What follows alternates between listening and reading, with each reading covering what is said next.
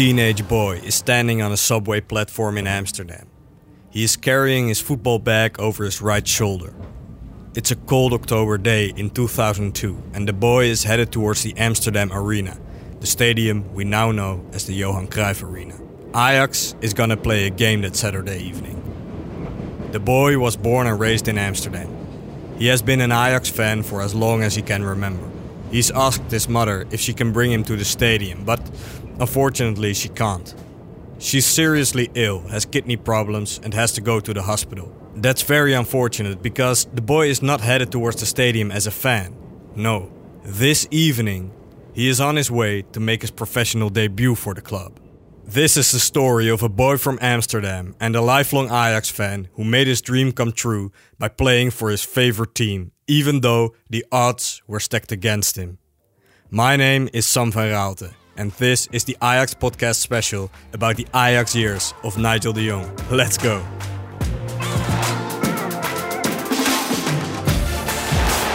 Here's Nigel de Jong. They've scored now. Deze oplossing vindt dan toch de Jong. En de Jong scoort 1-1. Long gets around Ashley Cole and finds the far side. Second half, still 1-1. Will towards the Burkamp. 1984. Nigel de Jong is born in Amsterdam. His mother Marja takes care of him. His father, Jerry de Jong, is a professional football player. But he parts ways with the family after a second child, Nigel's younger sister Ashima, is born. Nigel lives with his mother and younger sister in Geuzenveld, a relatively rough area in Amsterdam. Fundamental for the development of Nigel's character was his mother, Marja. Not only because she was a single parent, but also because she was sick. After giving birth to her two children, she developed serious kidney problems. One kidney didn't work, the other one only worked at 10%. So Nigel's mother Marja had to go in and out the hospital all the time for kidney dialysis to clean her blood. Nigel quickly became the man of the house, and from a young age, this shaped his mentality.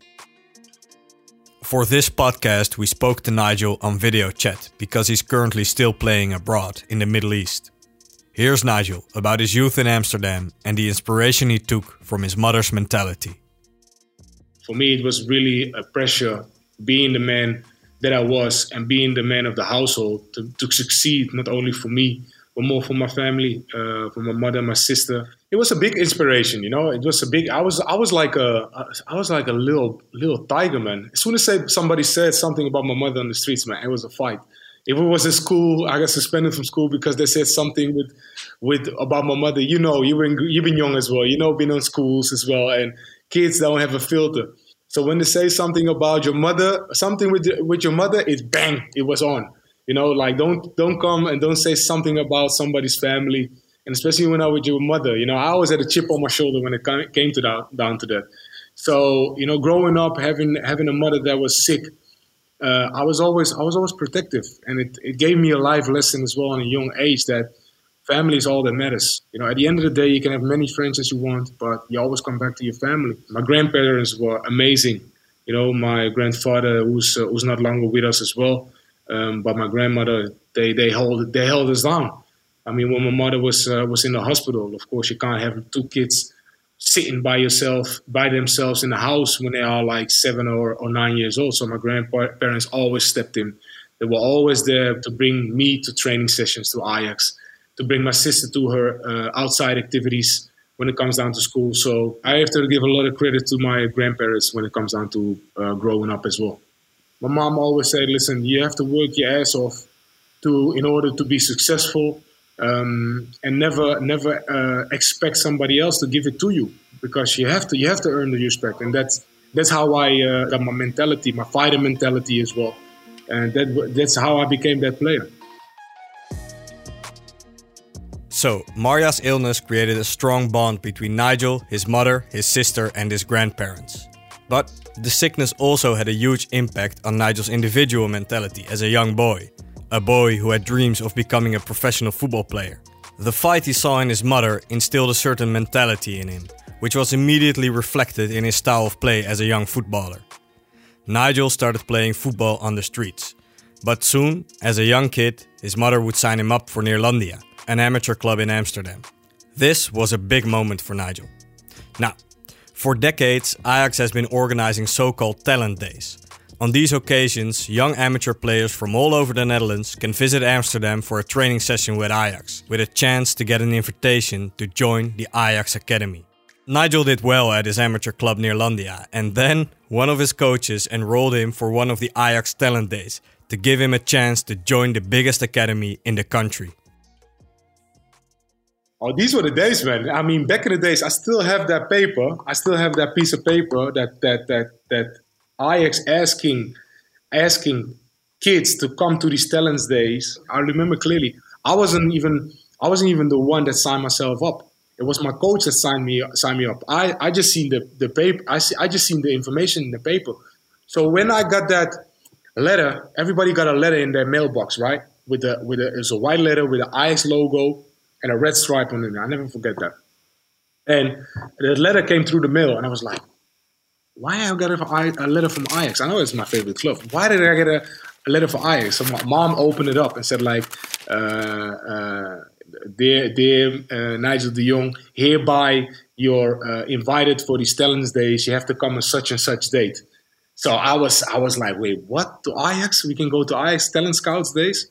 So it was me four or five of my teammates because our coach signed four or five of my teammates because he knew they had the potential to become a, a, professional player, or not even a professional player, but at least to to play for the IXU team.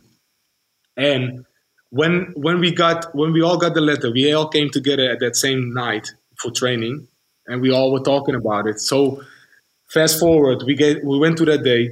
I never I never ever ever forget also the moment that I came through the Meer and the Meer was Ajax old stadium. And people who know the Meer and people know Watergraafsmeer and the way you go into that to the stadium, you see four big letters, old letters, Ajax, on the top of the stadium. So when I when you come down to the from the highway and go from the left, you see already for going down to the highway from the highway when you have to make the left turn to the Meer, you already see there's Ajax letters on top. So that gave me already my first chills, right? So I knew that okay, this is real. So when we came down to the through the gate, I saw the Ajax first team training on the right side, and, and it was packed. It was packed, like it was packed. And the only thing that I wanted, and everybody else in that in in those cars when we were following the cars, like, no, we're not gonna go watch the Ajax team. We come we came here for a reason. So we have to do the talent scout days, and then after when we got time and when the Ajax is still training, we can have a look at Ajax. So I, I clearly remember coming through that first gate so that was a great first experience. Nigel did well that first training session during the Ajax talent days. But one day of success doesn't mean you immediately get a chance at the academy. No, there were a lot more hoops to jump through. But young Nigel was ready to bring the fight. After that first day at the Ajax talent days, he got a second letter from Ajax, inviting him back for another session. So now you're like, oh wait, wow, this is getting serious now. So you're calling your friends on the house phones. Listen, did you get us? Did you get a second letter as well? Did you get a second? No, I didn't get a second letter. Oh, maybe we'll come tomorrow because the, back then it was by mail, right? So it was no social media. There was no DMs whatsoever. So everything you had to do by mail and, and the house phone. So no, I didn't get a letter. You get a letter. No, I didn't get a letter. Okay, maybe you get a, a letter next week. Okay, so on, so on. But nobody else got a second letter. It was only me. So, you know, at that stage, I felt kind of guilty towards my teammates as well from like amateur club. But the other side, I was like, no, I'm going, I'm going all the way for it. So the same process again for the second second day of training, second week of training to go to Ajax, and again the same the same stuff happens.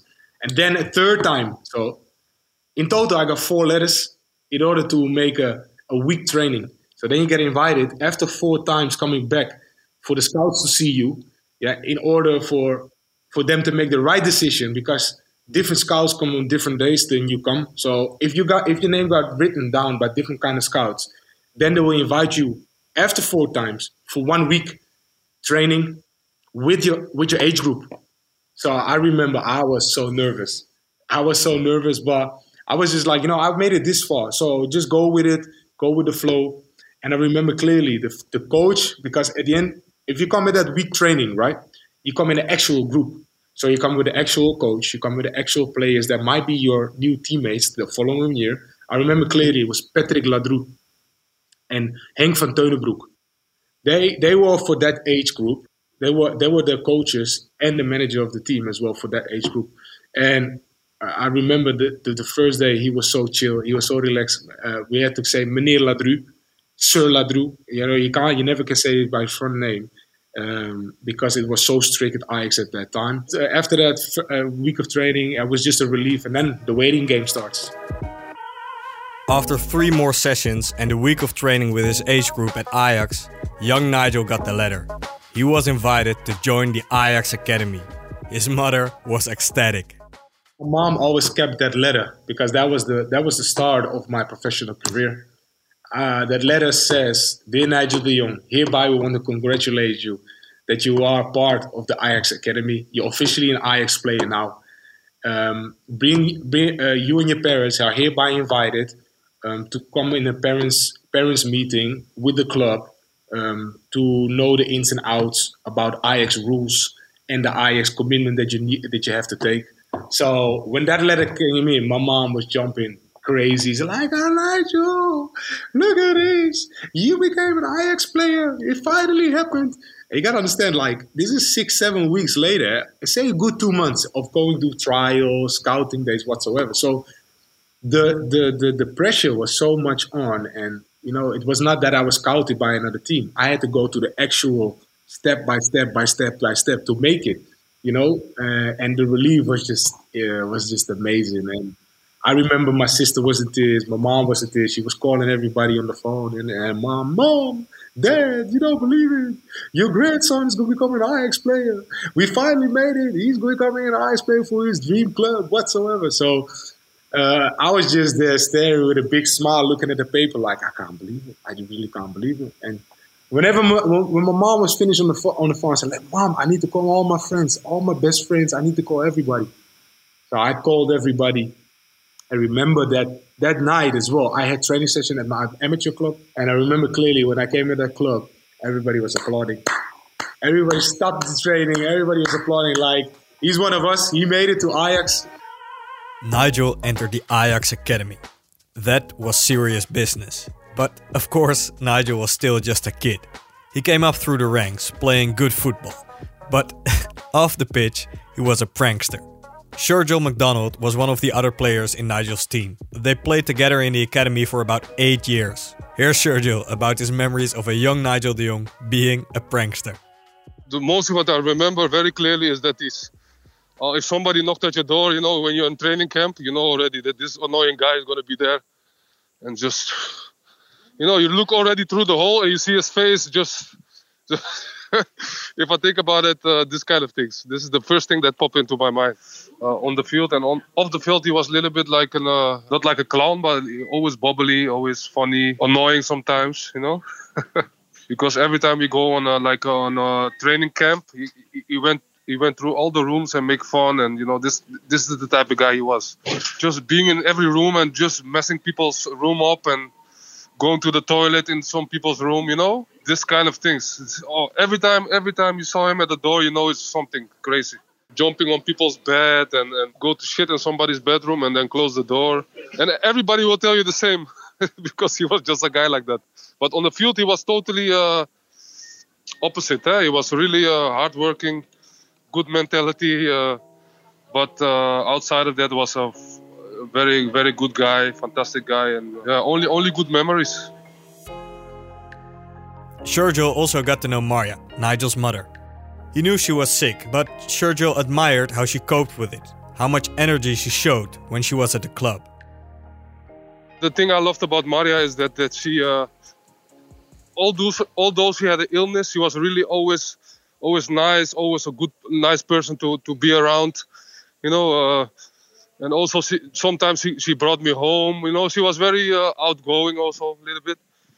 But so so you cannot really see that she had an illness. You know what I mean? Because she was always bubbly, always very nice. So if I look back at it, then I think it was a very strong woman because you never see that. You never saw that she was like ill or something. You know what I mean? Dus I uh, was always supporting Nigel also, you know. She was always in every game, every trade. You know what I mean? Yeah, you, you knew that she was ill, but you cannot really tell the way she behaved. In Ajax's under 19s, Nigel won the Youth League in the Netherlands and was picked by the club to receive the award for the best young talent at Ajax. Now, back then, Danny Blind was the head of the Ajax Academy and the coach of Ajax under 19. Here's Danny Blind on his memories of Nigel as an upcoming talent. What I most remember is uh, the enormous uh, will to win, to win every game, uh, to win every uh, tackle. we had we had a a great group at that moment. Uh, Wesley Sneijder was there, uh, Johnny Heitinga, and and Nigel. So we knew all all those three guys uh, will will get in the first team uh, in a couple of years.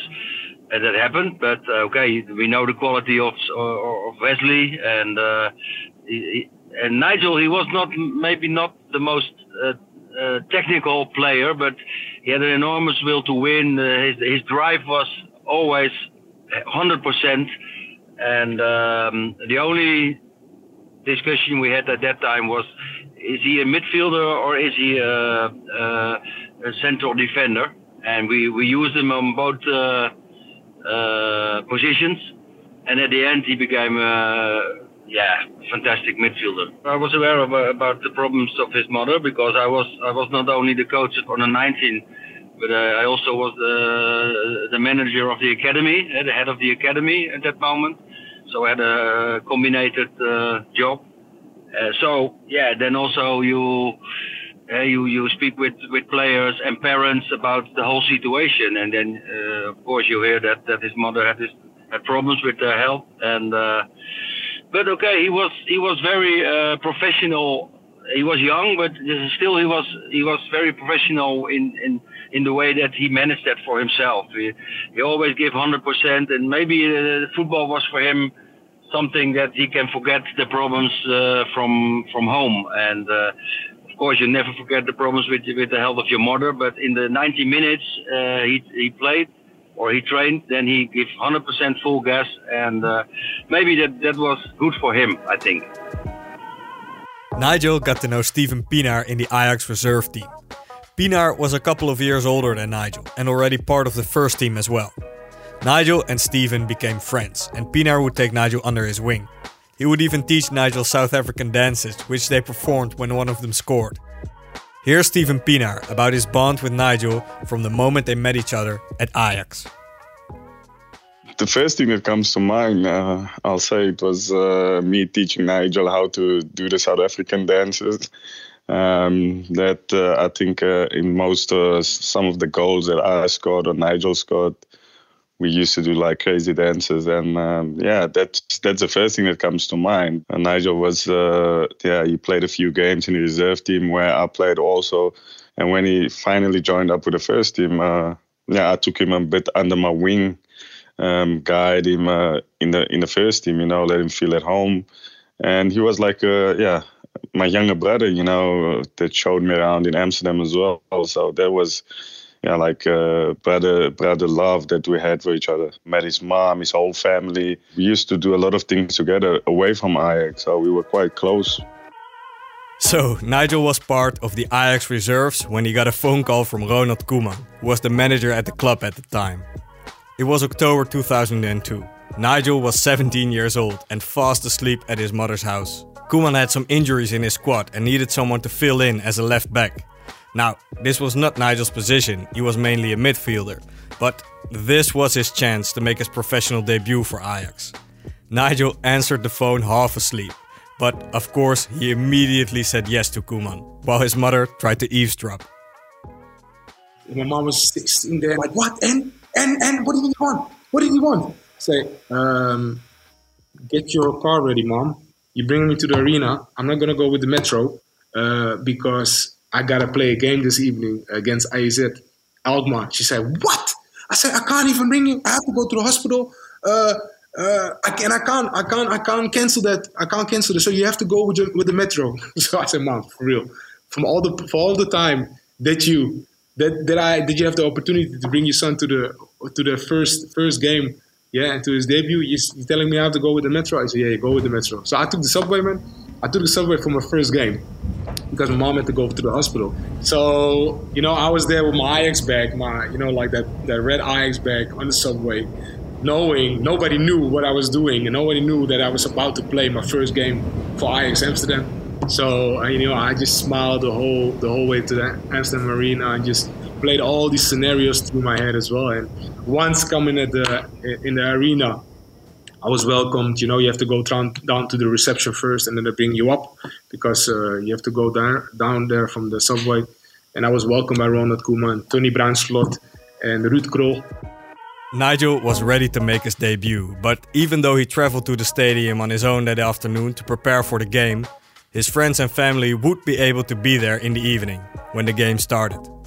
David Endt, the player's liaison officer back then, made sure Nigel got a bunch of tickets. I clearly remember it was David Endt because David Endt was the one who always taking care of the tickets for the players, and he had a little office near the near the entrance of the arena when you come on the pitch. So I, rem- I, I remember walking in as uh, Mr. Endt, um, can I maybe please have uh, two tickets for me and my mother? Said, you two tickets? Said, is that all you want? I said, yeah, I just want two tickets for me and my I said, this is your first game, son. I said, how many tickets do you want? And I said, like, yeah, but don't, don't worry about it. Take as many tickets as you want. I'll sort them out.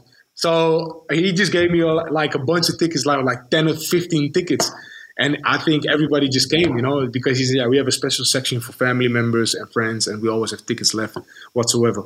Um, so just take as many tickets as you want. And then I was just like, okay, counting, time, time, time. And, and back then we didn't have a mobile phone, so I had to make I had to make a phone call to all these house telephones. It's like, listen, are you able to come? Able to come where, bro? Listen, I'm playing my first game tonight. Are you coming? Uh, of course I come. Let me call this and this and this. And it was just a madhouse. And eventually, like 15 or 16 of my close people, you know, close to me, they were there in the stadium. I mean, the rest is history. It was a fantastic first uh, first game as well. Because you have to understand, I was nervous as hell. I remember the moment that before kickoff, uh, Ronald, Ronald Koeman said, listen, son, just, just play a game. Don't worry about anything. I took you here. It's my responsibility just play the game however you want, you know, and just go for it. And, and I just went with the flow, and it took. Whenever I took the ball, I just went forward. Nigel played great that evening in a team with players like Jari Litmanen, Andy van der Meyde, Maarten Stekelenburg, and Mido. The game against AZ ended in a 6 2 victory for Ajax. Now, back then, when you made your debut for the club, you received a bouquet of flowers. So, right after the final whistle, when Nigel got his flowers, he knew immediately who he should give him to. He ran over to the stands, looking for his mother Marja. Mom was just sitting there hanging over that over the side, like, here I am, throw these flowers to me. So I just threw those flowers to her and said, like, this is for your mom. You know, knowing that the cameras were on. For her, you gotta understand, for, for parents, it's also a it's like an it's an accomplishment, you know, seeing your son or your daughter, you know, accomplish something as well. So I just wanted as much shine that I could have on my mother as well, because she was the one that finally, eventually, you know, let her son made made that first game in Ajax for all the sacrifices she made as well, being a mother. So you know, seeing that reaction from her, then after the game, of course, all the media, the way I was speaking, you know, so with the Amsterdam accent know, and just go with the flow and just not knowing what I was actually saying, you know, because I was so proud of it. Back in my neighborhood, everybody was like coming out. It was a proud moment, not only for me, but also for the for the for the neighborhood to accomplish that that, that somebody made it out of there. Nigel's debut was great, and he got to celebrate it with his mother. It was a great moment for the family, but of course, it didn't change anything regarding to Marja's health. As one of Nigel's best friends, Steven Pienaar also felt the struggle of the family. Yeah, he told me. Uh, I remember once uh, he was he was quite down, and he told me uh, my mom is really sick. And you know, I was always there. His mother was also like a mom for me. We used to go over to a place and she'll cook for us, you know. And I just told him, I said, listen, you just have to focus on your football. It's not in your hands, and you know, I'll be always here for you to, to support him. And he had a very strong mom, and she was always there. Also, she used to come to the Toekomst when we played in the second team as well. She came to most of the games. So she was a really supportive mom, and Nigel was always supportive towards his mom. You know, she was number one, uh, the number one person on his list that uh, they always talked about. And yeah, she was a very, very lovely, kind, uh, kind lady, like a mom, my second mom for me when I was here. So we used to support him a lot, and you know, he was, and you know, through that, uh, he he got a bigger heart, and he became a much better person as well. Now, money can't buy you happiness, but it can make things easier. That bouquet of flowers was not the only thing Nigel could give his mother now that he was a professional football player. In my youth contract, my first money that I got, I bought my my mother a car, you know, and she didn't know about anything, and it was just there on the on the doorstep because we we had a car from from welfare. Uh, it was not it was not owned by us, so we can only borrow it because she she was she she she had to go to the hospital and was never able to go with the subway whatsoever. So that was the first time that she seen a name, actual name, on a piece of paper and a document on car registration. So for me, that was something that I was proud of as well. And that's what you do it for. At the end of the day, you're giving back because, you know, as a football player, it's, fantastic you're making it. And it's fantastic that you're staying in there. But when you have so many financial resources and financial uh, power, it's always good to give back to your family, and especially when you have struggles throughout your life as well. So it was a proud moment, not only for me, but for my mom, my grandparents. You know, I gave my grandparents every, everything they wanted because they sacrificed everything for me, um, day in day out, uh, driving me to to to to training when my mom was in the hospital. So for me, it was it was natural that whoever made it in our family, it could even be my sister, but it was natural for whoever made it in fa- in our family was the one who was given back. Until this day, I mean, till this day, you know, I'm giving back to my family my sister is very uh, uh, successful with her uh, with a gym with a gym as well. So she's doing the same thing. So it's a natural habit for us in our family to give back. Speaking about cars, there's a funny story from when Nigel just turned 18 and got his driver's license. He had to wait a bit before he received his car from Ajax's car sponsor, but he wanted to impress a girl he liked, so he asked Steven Pienaar to help. Nigel wanted to borrow Steven's car to impress this girl. I remember when when he just got his license, uh, the club uh, gave him a, like a car because he ordered a car. I think we were sponsored by Alfa Romeo at the time, so they gave him a, a, a kind of a Opel uh, Corsa, you know, just while he was waiting for his car. And he came to me, say, Steven, please, I need to go to to Almere. Um, I've got a, I've met this girl that I, I, want to see. So can I borrow your car for the day? I was like, okay, no problem. Just uh, as long as you leave your car by, by my house, it's fine. You know, in case I need to go somewhere. So he came and he took my Audi TT to Almere. So and it was like late, you know. The next day was training, so I started calling him. I thought, please don't tell me he got picked up.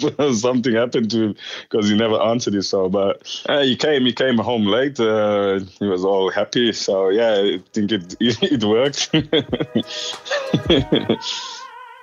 On the pitch, Nigel took off like a rocket ship that season. He played a lot of games in the Eredivisie and was a starter for the majority of Ajax's Champions League campaign as well. He also scored his first goal for Ajax, and he did it in quite some style.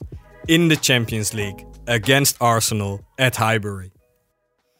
That was that was unreal. I mean, you know, I always looked up to Arsenal and especially that Arsenal, the Invincibles team, you know, that was still intact.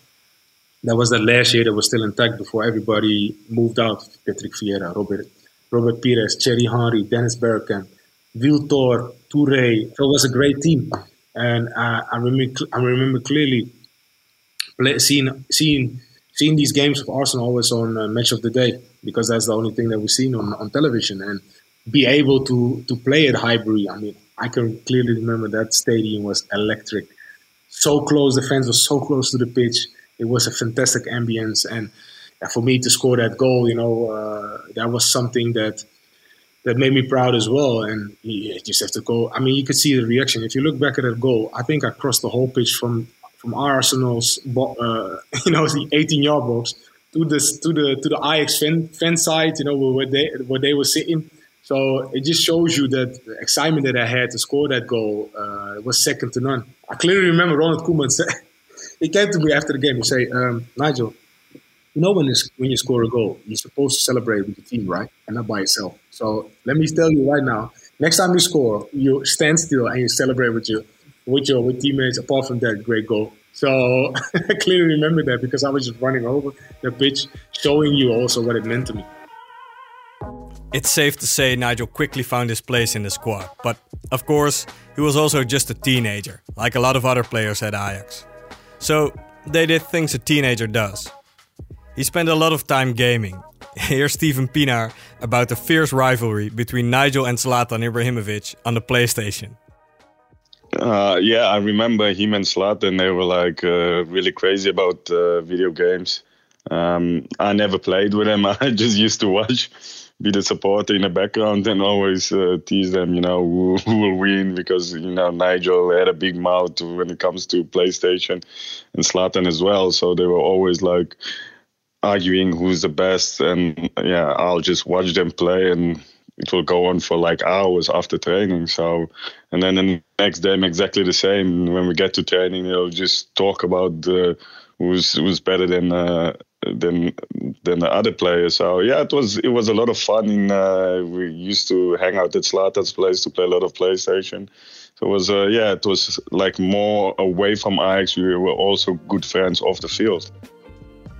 Here's Nigel about the good times he, Steven Pienaar, and Zlatan Ibrahimovic had together outside of football. You know, I still lived at my mom's place. So for me, in order to go, to get out and to play to go to their place, it was a relief because I couldn't do anything at my mom's place. So I always went to them, you know, to play video games or whatever. I mean, you've been young before as well, so we just we just hang out and just be a, a regular young guys. Try to try to make fun.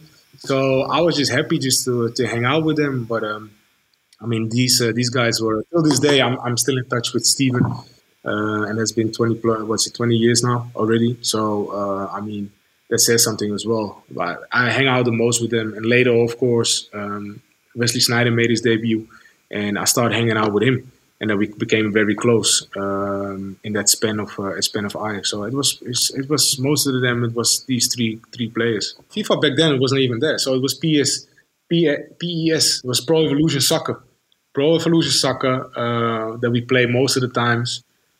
What else, man? What else did we play? I think it was Pro Evolution. That was the game back then, man. Pro Evolution Soccer. Uh, that was a game, and just like I remember joysticks going flying around from from from room to room. We broke a couple of joysticks. It was good fun. It was really good fun. It was really a good fun and a good time to hang around with. You know, I love that time because what I said before, there was no social media, so you couldn't really record anything and stuff like that. Sometimes I wished it because that, that gave us a little bit of video, video footage. But the other side, it could also just be us. You know, you didn't really have to care and worry about people messaging you or, tape, videotaping you. So it was a great era, man. I mean, we had a great team. You know, we had the likes of Van der Meyde, who was an absolute clown in the dressing room. You know, he was always up for something. Uh, so it was it was a great dynamic. We had some older guys, some young young guys. with a great captain in Cristian Chivu, who always put everybody in place when it came a little bit too crazy. We had a great team the team spirit was great at the time, and a lot of players were pranking each other. Steven Pienaar has vivid memories of how he messed with an expensive watch Nigel bought. So I said to Nigel, "Yeah, you must buy a Jacob uh, and Co watch. You know, as a young player, you, you, just signed a new contract. So I said, yeah, you have to, you know, start wearing watches uh, instead of just walking around. So he bought, uh, he bought a, a, one of the watches. We actually bought the same kind of watches and we went to training and he was showing off you know and uh, when he left uh, when he went out for for training so i opened his uh, his uh, closet and I took the watch and I hid it. So he, when he came back, he was crying. I remember he went to tell the manager, the, the coach, "Oh, someone stole my watch," and we were just laughing because we knew he was he was so angry and he didn't want no one to leave the, the dressing room. He wanted to search everyone. He was, you know, it was so funny to see at the time. But we had we had a lot of uh, laughter together. Also, you know, sometimes where we lost games, we were upset, and we'll spend hours together just talking about it. But uh, we also the the the joking side where stuff like where I, I hit his watch and I moved this car as well from the parking lot and I put it all the way around the arena at the back of uh, of the stadium. And we just left. We walked out, you know, to our cars. And Nigel was like, "It's impossible. My car was parked here. This is my parking space. So he went back to the securities. We and we just went home. We didn't tell him. and I called him.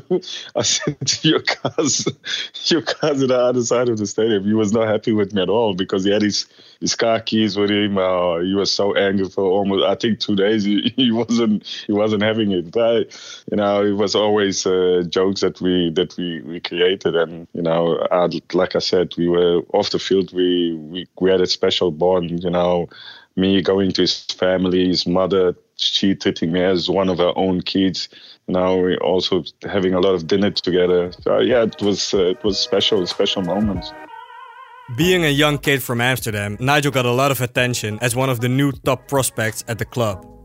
This meant a lot of distractions and temptations came his way. And this made it more difficult for him to focus on the game.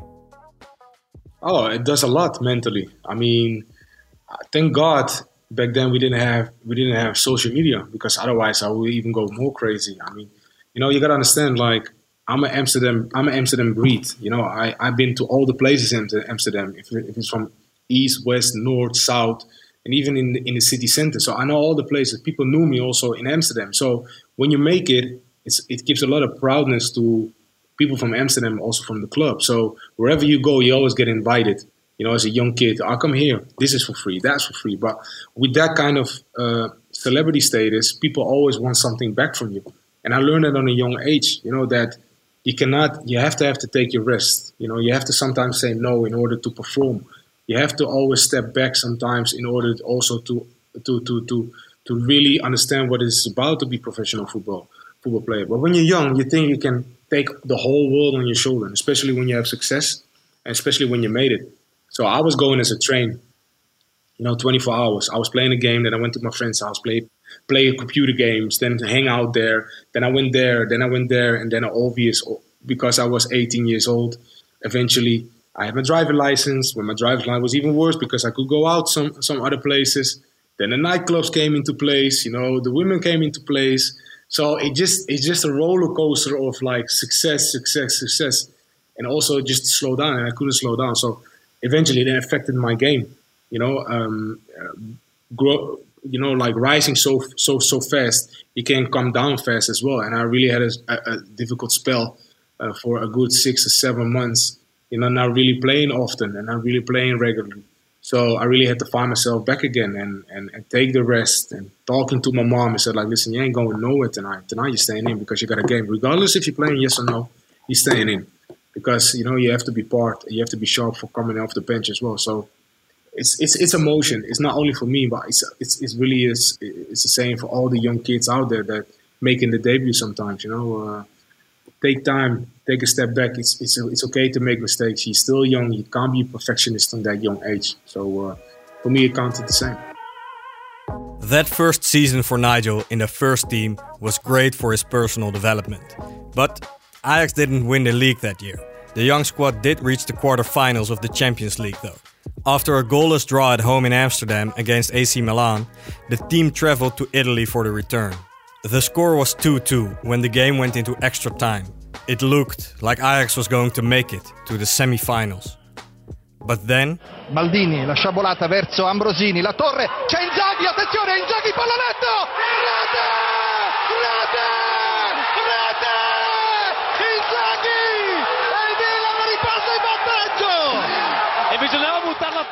In extra time, Jon Dahl Tomasson scored for AC Milan, and Ajax was out. Uh, devastated. I mean, I clearly remember, you know, I was standing on the pitch and I seen the ball. I mean, it was, I think it was Bogdan Lobont who came out, um, and Pippo Inzaghi chipped it over him. And I was like thinking about offside first in the first place because we were was was nil nil at home and it was two two and we will go, we will go through on the away goals. So we had to just keep the keep the keep the score alive. And uh, I clearly remember him chipping over that and Jon Dahl Tomasson be at the end of it as well. And everybody was like, "No, he didn't touch that." So that means that's offside. He clearly is gonna. He's not. He's not gonna give the goal because he he touched the ball instead of just letting it go. So you know, fast forward, it was a little bit of commotion. Nobody could believe it. Everybody was looking at the referee, saying like, uh, "Ref, it is uh, it is offside, right?" Linesman didn't give it to him, and back then we didn't have VAR. We didn't have uh, technology just to, to, to look back on it. So I mean, that was a big blow because we knew the amount of pressure that AC Milan was was giving us and the substitutes that we were making just try to defend that score as well. We were not we were not scoring another goal, so that was really that was really devac- uh, the, the, a big devastation for us as a young group because that meant you know we were about to go uh, to the semi-final. The next season, though, in 2004, Nigel played almost every game, and Ajax did take home the league title. The kid who grew up as an Ajax fan now managed to help his club win the league as a key player in the side. It was time to party. I clearly remember, like, you know, I, you know, as a young kid, there's also something. The dream that you can play for Ajax, but the dream that you can stay, uh, that you can, uh, that you can stay on the damn square Leidseplein for, in Dutch, Dam Square, you know, and hold that and hold that trophy up for what is it, 30, 40,000 people just waving the flags with, with like with fireworks and stuff. So I clearly remember it was two weeks before that, and uh, I made these T-shirts uh, with uh, with with it's a red T-shirt and with the Amsterdam Amsterdam logo on it. It's the black with the with with uh, three uh, white crosses on it because I was pretty sure that we became champions. And I wanted to, I wanted to wear that and show it to the people as well in Amsterdam. Like, you know, your, your boy did it. You know, the the, the guy that's Amsterdam breed is standing here on the balcony of Dam Square and just try to celebrate and celebrate with you. So I clearly remember, and if see pictures as well, you see that I still wear that. I, I wore that shirt as well on that day that we became champion. Uh, so it was a great feeling. It was by that time, Van der Vaart was already there. Sneijder came through, Heitinga, and it was me. So it was the four youth products that Ajax uh, that Ajax had that became a champion as well. So it was it was a great relief for us, but also a very proud moment for Ajax Academy. I got drunk. I remember we went we they rent us a, a, a was it? it? was a boat. It was on a boat. It was first we had a dinner in uh, in Panama. It was like a club behind Central Station, and then from there we went to like a party boat. I think it was Super Club boat back then. I don't know if it was a super club. It was named the Super Club boat back then, but it was on a boat. I remember they they they hired everything out, and of course, like everybody came on the boat, and it was only for invitation only. But I mean, we were single, you know, we were young, we were single, so we were always looking for something, and we were always looking for trouble. So it was all it was me, it was me, Steven Pienaar, Zlatan. Uh, we always we always try to uh, do something uh, some something bad, and I mean, on a party day like that, I mean I don't think that everybody uh, at that stage uh, said no to us when it comes down to letting us do our thing. It was great. It was great, but you have to understand it, it, it was so formal because you have to you have to respect also, you know, the, that that Ajax rented that boat. And Ajax uh, delegation was on there as well. You know, the directors whatsoever. So you couldn't you couldn't really do a lot, and a lot of the players' wives were on there. So you you felt kind of awkward when you like going all, all nuts. So I clearly remember we went to another place. We went off that boat and just made a couple of phone calls in the time because connections we had over the time of that span. So we made some connections, we made some phone calls and said like, listen, this is the place to be. We will shut down the club for you, and we went. So I don't know which which club we we, we go to, we went to, but I clearly remember us stepping in and we just we got treated by kings. We didn't have to pay for anything. It was bottles for free, and the DJ just was like going crazy. I think it was Jimmy Woo, you know. I think it was Jimmy Woo. It was I think it was that one, yeah. And the the DJ was, you know, saying our name all the time. It's like the champs are in the building. The champs are in the building. Look at them there. So it was a great night. I mean, it certainly was a it was a great night. It was a great. It was a, a night to remember. Eh, and it, I mean, you have to. When you become champion, you have to celebrate properly, right? I agree.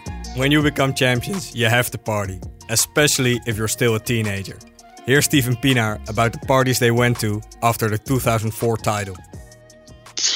Uh, to be fair, I don't remember much of it on the night, but nah, it was I remember when we when we won uh, the league, uh, it was a home game. Nigel's first uh, prize in the first team. Uh, it was my second one, so luckily uh, I knew already what expected from the parties, you know. Um, but uh, yeah, we got in a boat and like uh, with the families, uh, with the girlfriends, uh, some players with their wives, and the coaching staff, and some of the, the, the technical staff were on it. It was it was a really good party as well. But uh, afterwards, I can't remember what happened when we got off the boat. But it was it was a lot of fun, I must say. Uh, we all got smashed, as you know, players. You know, after long season and at the end of the the, the season you you can stand on a on a podium on a on a stage and lift the trophy. You know that you've worked hard, and obviously uh, at the time Koeman was a manager. He just told us don't be shy as young players. Just you know you deserve it and have fun only for this night. so yeah, and I think we did uh, enjoy. It. I think uh, afterwards, uh, I think we all went to to my place if I'm not mistaken. But uh, the party just continued, you know, and yeah, it was fun, and I think we deserved it that night. Nigel stayed for another 18 months at the club, also winning the Dutch Cup and the Dutch Super Cup. But then, in the winter transfer window of the 2005 2006 season, he made a move to Hamburger SV. Now, back then, that was one of the top clubs in the German Bundesliga. Here's Nigel on why he decided it was time to make a move. I mean, Ajax will forever be my club but I got to move on. You know, I got to move on also to see myself and explore myself and see um, if I can continue myself as a, as a player that I, I think I can be. So that's why the move to Hamburg, um, because it was first of all close to Amsterdam. It's only a four-hour drive. So if I needed anything, I can always drive home. Uh, people can always come and see me. And what you said before as well is that Hamburg at that time was one of the best teams in the league. You know, uh, Van der Vaart, Rafael went there, so that was a big plus for me.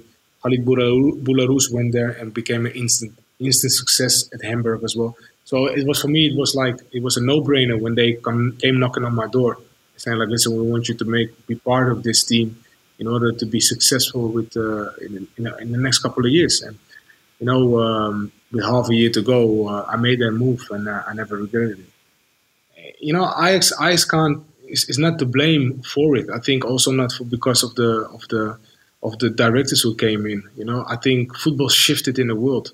I think the financial power that other clubs had uh, in different countries it just shifted the way how how the world of football perceived Dutch football. It was more of a talent factory instead of really being competing international wise. And that's just that was just a natural course of you know the big teams having the more financial powers in order to pick get the best players in. And we and Ajax could always got second best um, and had to do it from their own academy. And you know, when you try to rebuild, when you're selling a lot of players, uh, it's it's hard just to continue that kind of continue that kind of uh, uh, uh level. Uh, we've seen what happened with the, with, the, with the Dutch league, losing a lot of players for Champions League directly. Um, Europa League as well, just because of the way how they've been standing in the in the ranks in, the, in in Europe. So it was just a natural course, and I don't really think you can blame anybody who was trying to try to uh, do the best for Ajax at that time. It was just you know like fighting an uh, fighting an, uh, an, an, uphill wave whatsoever because it was uh, inevitable that that that Ajax would slip down and. Uh, eventually, now with Overmars and with, with Van der Sar, they have a fantastic foundation again, you know, and see what Ajax did over the last couple of years. But it took time, and it was just a natural, natural course. Six months after Nigel left Ajax for HSV, Steven Pienaar left Ajax for Borussia Dortmund. The former teammates soon met again, but this time at opposing teams in the Bundesliga. It was quite crazy because I remember my, that was uh, the third or fourth game of the season uh, when we played Hamburg, and Nigel was the one marking me, and I, said to him, "Why do you follow me all over the pitch?" And he said, "Yeah, this is Germany. This is how we play." So I was like, "Wow!" but we, we, you know, we had some good games uh, against each other. Also, late in my career, uh, I played against him, Everton against City, Tottenham against City. So we always uh, came across, and it was, you know, always on the field was always hard, and off the field was, you know, just laughing and yeah, catch up uh, on the old times we never actually said goodbye to each other because we knew like uh, our paths will uh, will meet up again, and we we always had contact, you know, talk to each other. You know, he, he always. I remember when he when he just signed, he bought a new car. He's uh, in in Hamburg, and he and he drove back to to Amsterdam just to show us his car. So at the time, it was uh, was quite funny, but um, I always knew that uh, we'll see each other again. Because in football, your paths will always cross. Nigel quickly became a key player in Hamburg. Then he moved to Manchester City, where a new era was ushered in under the new owner Sheikh Mansour. Nigel would go on to play for clubs like AC Milan, LA Galaxy, Galatasaray, and Mainz. He also played in 81 games for the national team of the Netherlands, including a World Cup final. Since the summer of 2018, Nigel has been playing for several teams in the Middle East. Nigel became a man of the world. That boy from Geuzenveld played in top teams all over the globe. But he never lost sight of Ajax. Never.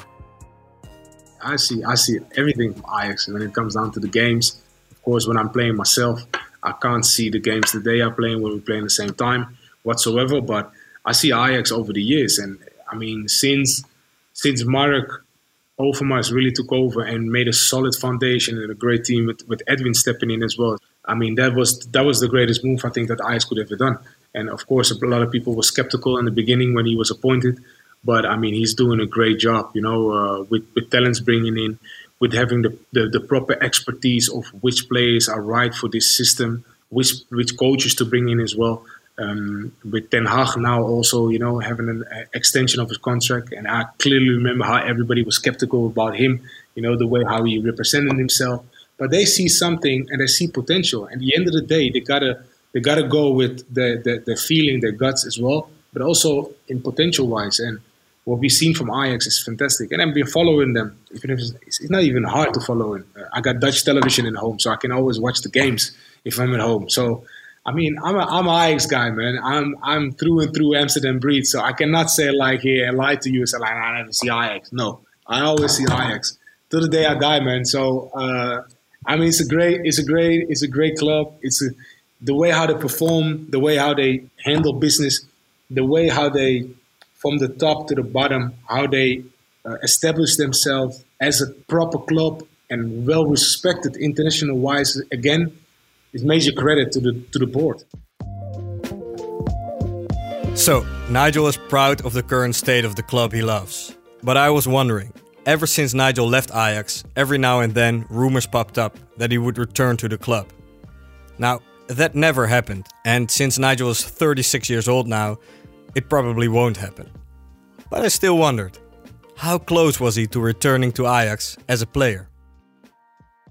There were a couple of times that I really was really close uh, to returning to Ajax, you know, but uh, eventually it didn't happen um, uh, for, for various reasons. But it happened a couple of times. There were a couple of times of conversation between me and the board uh, and my agent as well to make a return. So, uh, I mean, you know, um, if I come back, maybe it won't be as a player anymore because I'm almost 37. I'm still playing, but you never know. I'm still available, Erik. If you're watching, uh, Marc and Edwin, I'm still I'm still available, even though it's not going to be on a regular basis. But just for the dressing room, you never know. But apart from that, I mean, if you're going to see me back at Ajax, you probably won't see me uh, as a player, but certainly be part of the of the organization. You know, I mean, uh, and I'm an Amsterdam breed, so uh, that will never leave my uh, never leave my heart.